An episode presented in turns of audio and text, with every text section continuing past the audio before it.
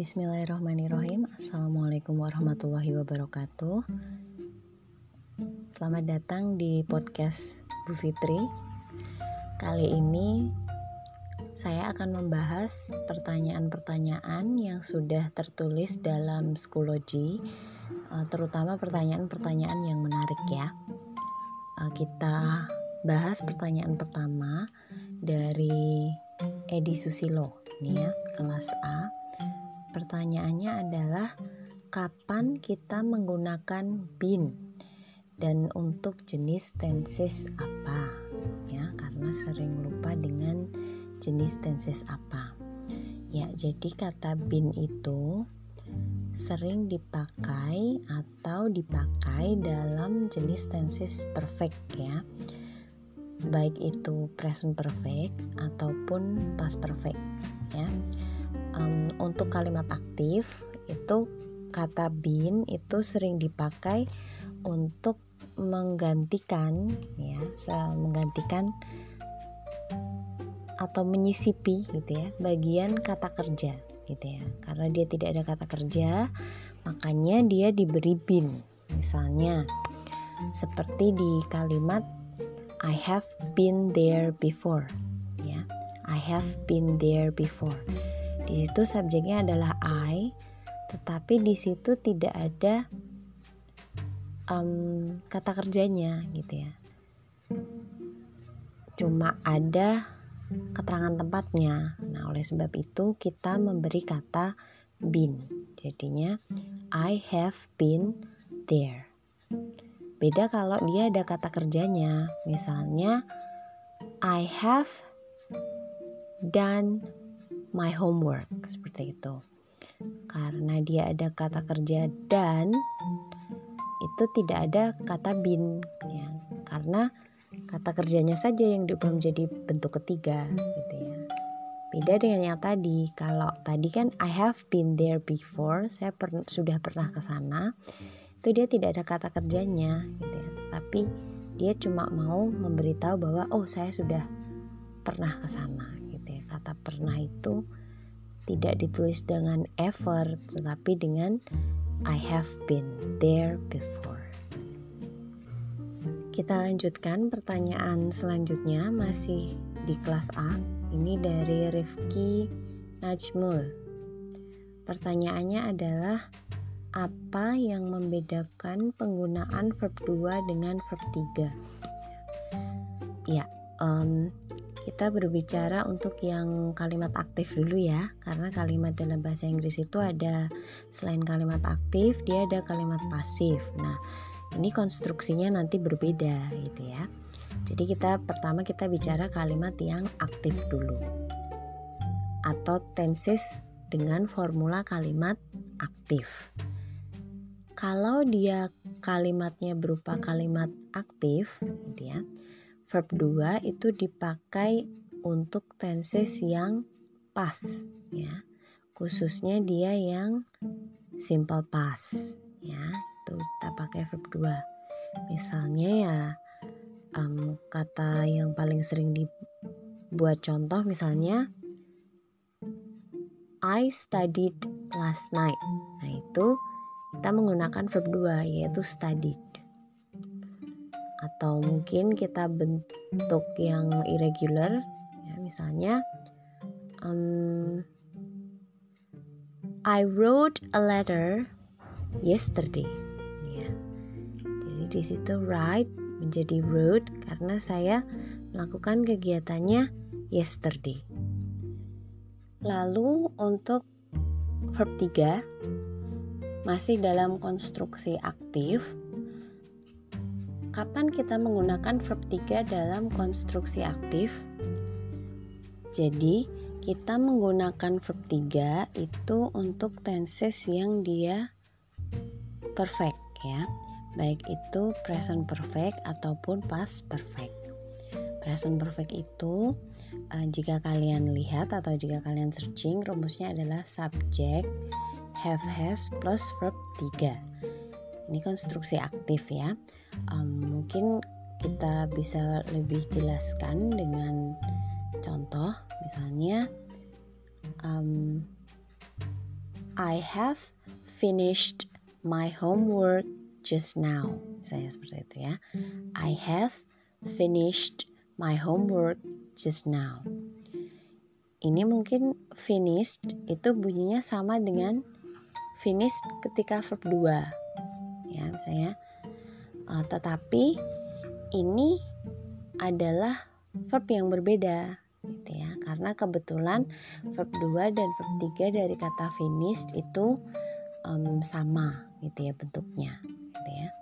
Tapi karena tadi rumusnya present perfect itu kan subject have has plus verb 3 berarti meskipun sama karena kebetulan tadi sama verb 2 dan verb 3 untuk kata finish di sini verbnya adalah tetap verb 3 selain present perfect eh, verb 3 juga digunakan untuk tenses past perfect dalam konstruksi masih aktif ya. Kita masih berbicara soal kalimat aktif ya. Contohnya misalnya kalau dalam sebuah kalimat misalnya I had graduated before you graduated. Saya ulang. I had graduated before you graduated. Jadi di situ ada dua klausa gitu ya. Pertama ada I had graduated, yang kedua um, ada before di situ lalu ada klausa kedua dia ada before um, you graduated. Nah, di sini yang pertama I had graduated itu dimensi waktunya lebih awal. Saya sudah lulus lebih dulu gitu ya. Saya sudah lulus sebelum kamu lulus. Nah, saya lulus ini lebih awal daripada kamu lulus. Nah, makanya saya lulus ini ditulis dalam past perfect sedangkan kamu lulus ditulis dengan simple past. Nah, di sini I had graduated dia rumusnya subject had sama untuk semua subjek plus verb tiga. Nah, ini meskipun sama-sama graduated tetapi graduated di I had graduated dan I graduated uh, you graduated ini dia adalah jenis verb yang berbeda. Karena tadi kembali kepada formulanya ya. Cuman kebetulan ya bentuknya verb 2 dan verb 3 dari graduated itu sama. Kalau yang berbeda ada tidak Bu? Ada juga gitu ya. Misalnya kita pakai kata forgotten gitu ya. Forget, forgot, forgotten. Verb satunya forget, verb 2-nya forgot, verb 3-nya forgotten. Itu kebetulan berbeda ya. Misalnya ketika kita buat kalimat kombinasi dengan verb 2, kita bisa bikin seperti ini. I had forgotten my trauma before I started to drive again. Atau saya ralat atau saya ganti supaya lebih kelihatan gitu ya.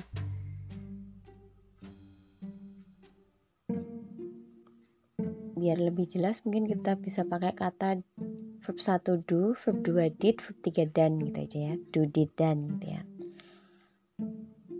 I had done the housework before she did. Ya. I had done the housework before she did.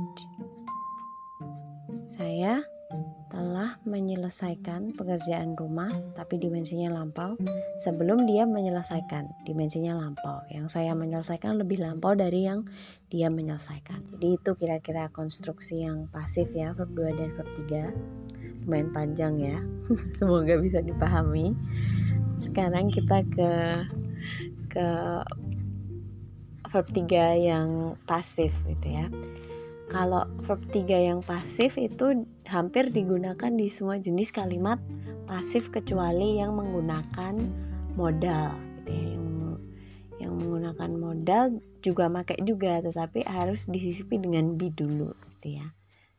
Berarti pakai juga ya. Nah, pokoknya kalau dia kalimatnya pasif itu semuanya memakai verb 3 gitu ya. Karena memang rumusnya dasarnya itu subject to be plus verb 3 jadi kalau pakai had kok verb 3, pakai have has kok verb 3, pakai is mr kok diikuti verb 3, pakai was were juga verb 3, pakai will would should kok verb 3, tengah ada be itu berarti dia konstruksinya kalimat pa pasif. Saya rasa begitu jawabannya ya. Oke. Okay.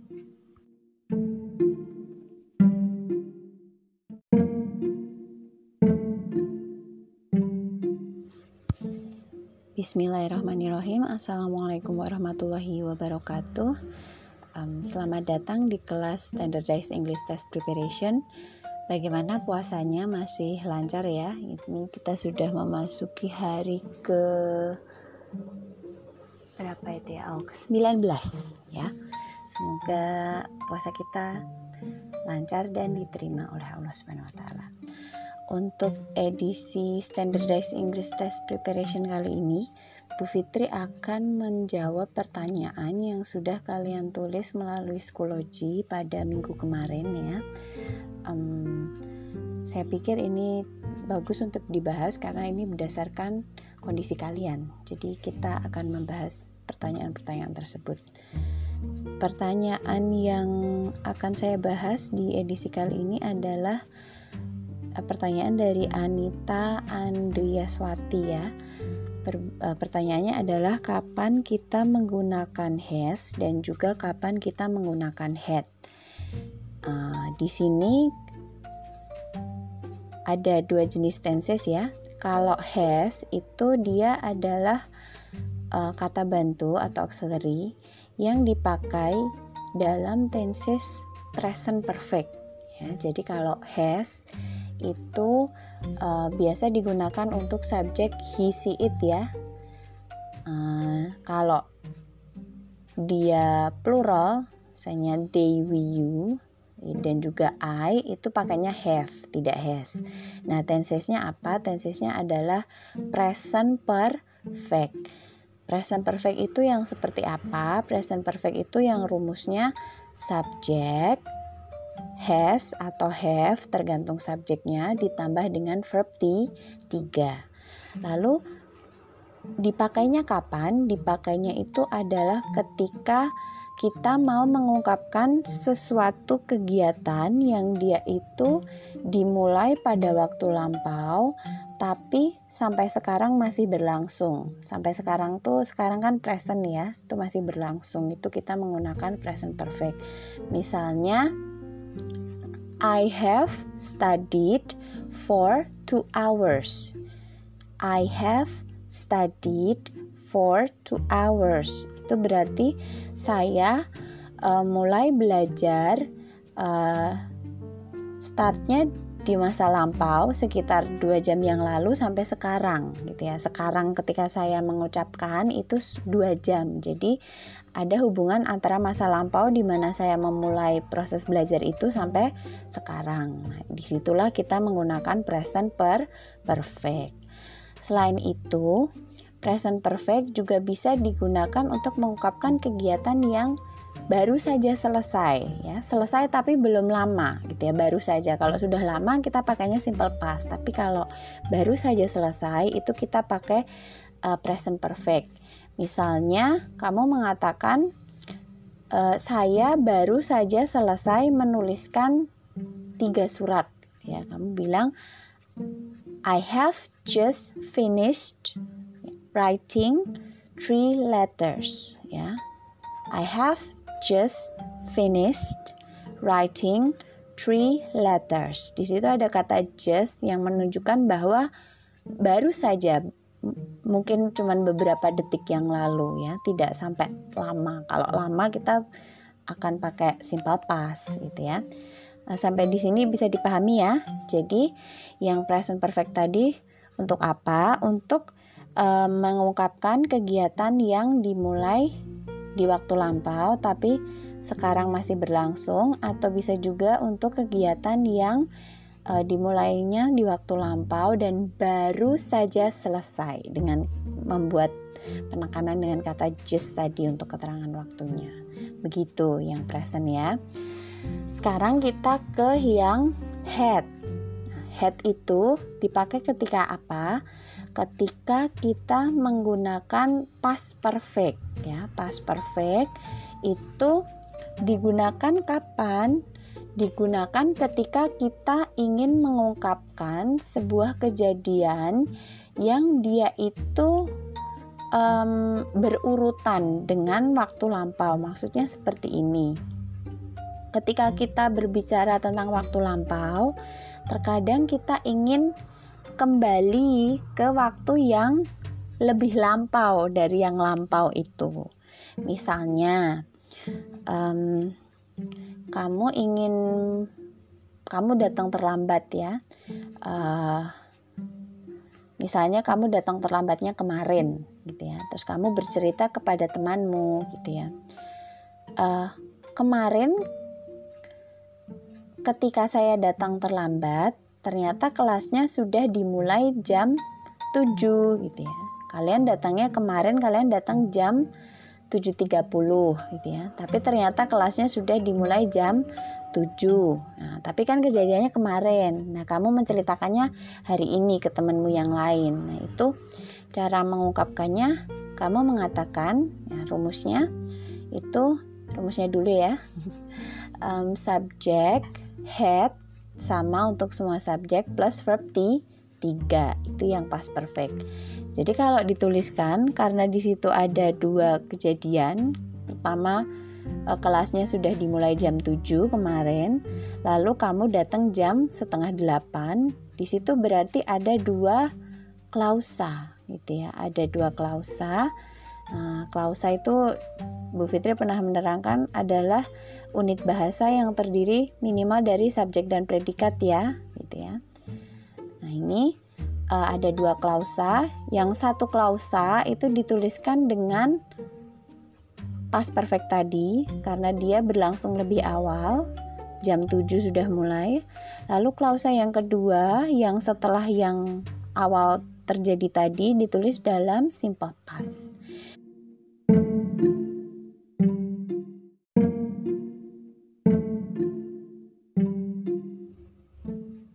Masih di has versus had, tadi ada yang tertinggal. Yang tertinggal adalah contohnya. Tadi Bu Fitri menerangkan bahwa uh, had itu biasa dipakai bersandingan dengan simple past atau past perfect yang pakai had itu biasa digunakan bersandingan dengan simple past. Tadi contohnya When I arrived at 7:30, the class had started. Ya. When I arrived at 7:30, the class had started. Di sini arrived-nya dalam bentuk simple past dalam bentuk verb 2, sedangkan kelas yang sudah kelas sudah dimulai itu kan lebih awal dari saya sampai jam 7.30 itu. Kelasnya mulai kan jam 7 ya, berarti yang lebih awal itu kita tuliskan dengan past per fake. Kejadian itu berlangsung kemarin. Saya menceritakan kepada teman saya hari ini. Ya. Gitu ya. Apakah bisa dipahami? Kalau tidak bisa dipahami, silahkan live chat dengan Bu Fitri di Telegram. Thank you.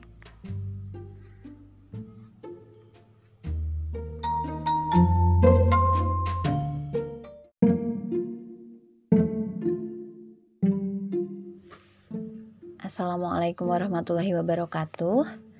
Kembali lagi dengan Bu Fitri. Sekarang saya akan menjawab pertanyaan selanjutnya dari Alfatari Ramadan.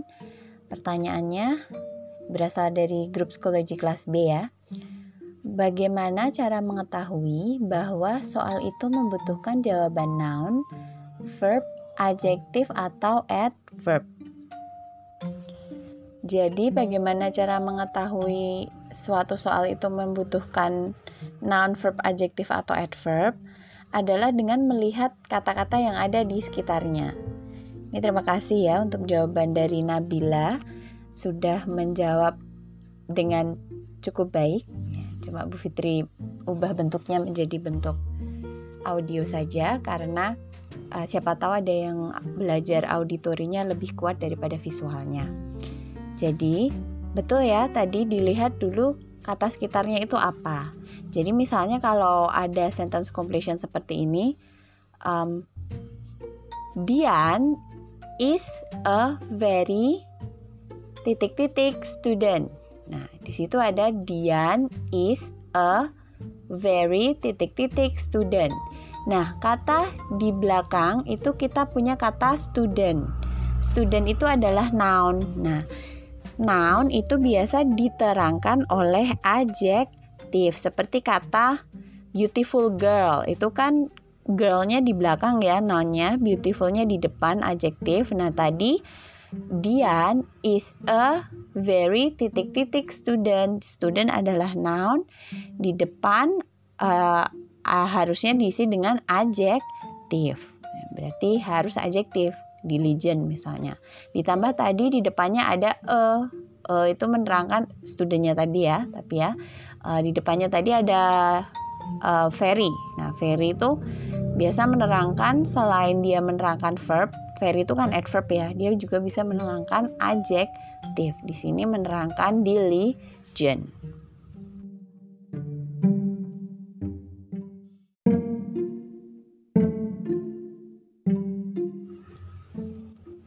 Oke, uh, diskusinya kita lanjutkan soal mengisi titik-titik ya. Uh, tadi um, kita berbicara soal uh, adjektif dan noun ya. Sekarang kita akan berbicara masih di adjektif dan noun tapi dengan bentuk adjektif yang lain. Kalau adjektif yang biasa itu kan Bu Fitri uh, dari semester 1 mengajarkan soal uh, akhiran ya, akhiran yang bisa mengubah kelas kata dari beauty yang noun kalau tambah full beautiful jadi adjektif gitu ya. Seremoni dari noun diubah menjadi diubah menjadi seremonial menjadi adjektif ya. Uh, lalu ada juga communication ditambahin dengan akhiran if jadi komunikatif juga jadi adjektif. Ya. Selain adjektif gubahan seperti itu, kita juga bisa menggunakan verb 3 sebagai adjektif. Ya. Misalnya, contohnya saya bacakan, many fake news stories use photoshopped images that are taken from unrelated site. Saya bacakan lagi. Ini agak panjang kalimatnya. Many fake news stories use photoshopped images that are taken from unrelated site.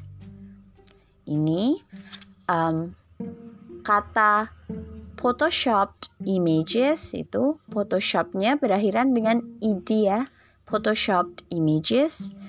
Jadi um, photoshopped images atau photoshopped itu dia adalah verb 3. Verb 3 yang uh, berfungsi bentuk ketiga ya, berfungsi sebagai adjektif dari images. Jadi image yang kayak apa? Image yang diedit dengan Photoshop.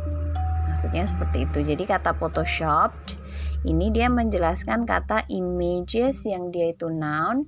Oleh sebab itu kata photoshopped ini berfungsi sebagai adjektif aktif.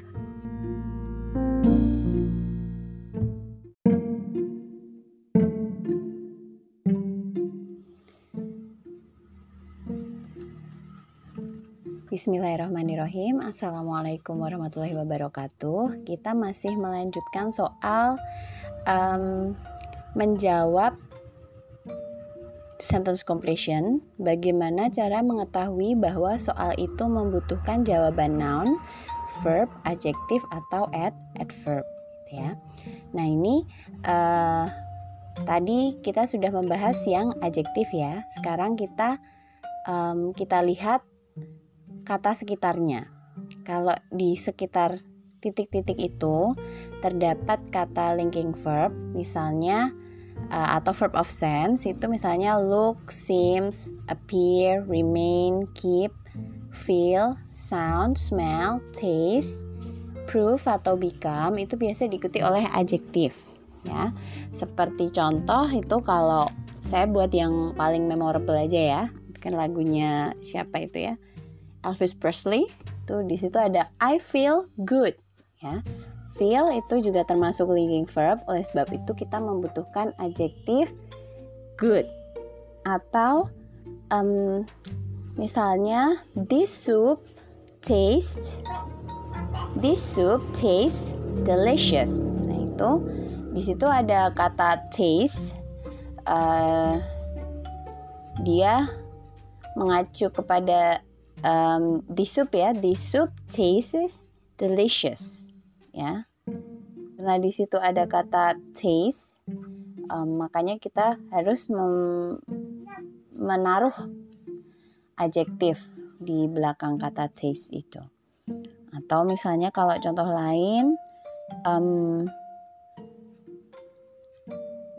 the plan sounds great ya the plan sounds great.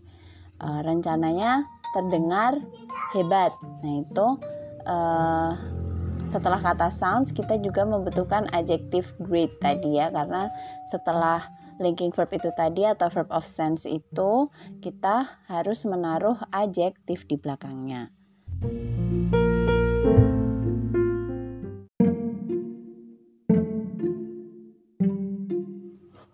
Good morning students.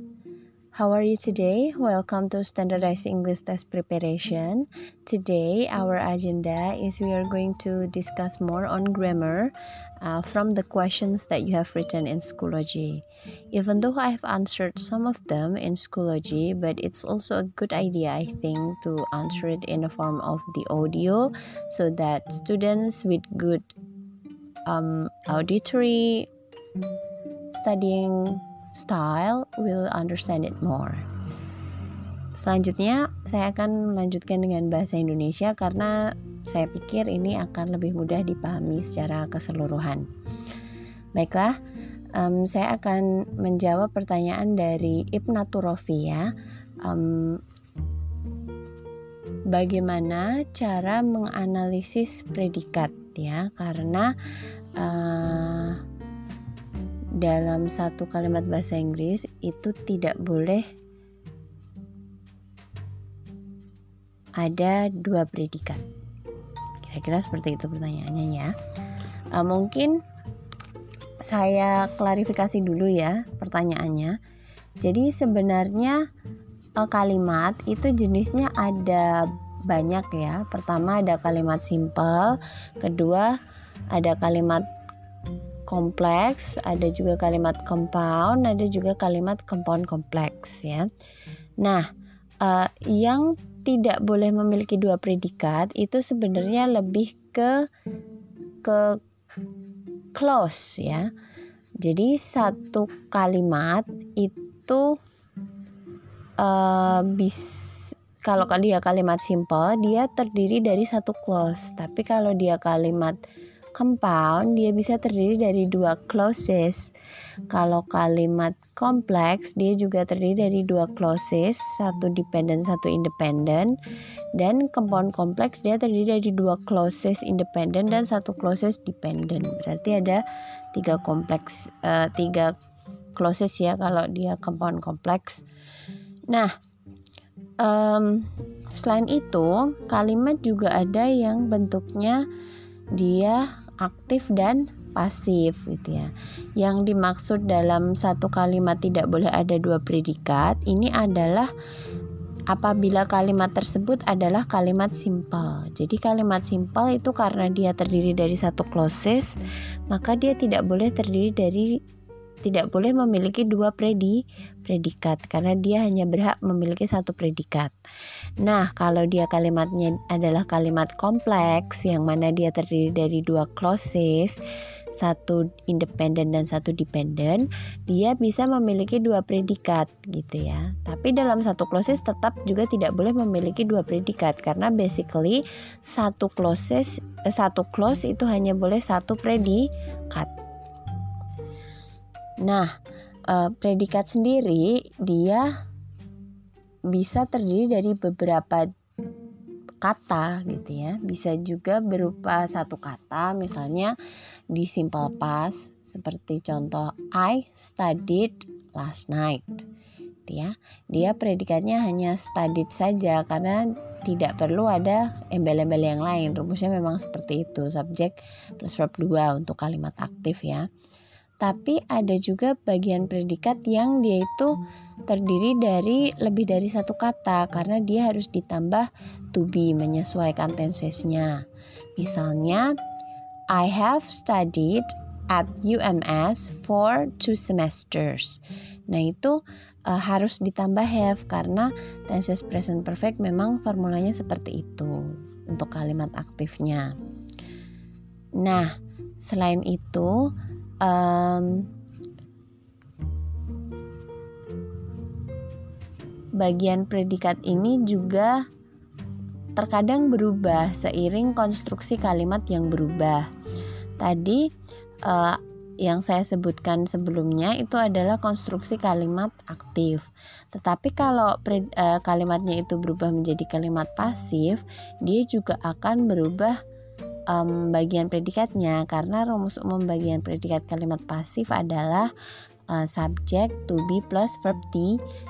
Jadi otomatis semua predikat menggunakan verb 3 tinggal nanti membedakan bagian to be-nya di depan dan mungkin ada sisipan bin atau being seperti itu. Misalnya kalau ada kata uh, dalam aktifnya itu I am cooking fried rice now, dia akan berubah fried rice yang tadinya adalah objek dalam kalimat aktif akan berubah menjadi subjek dalam kalimat pasif menjadi fried rice is karena singular ya.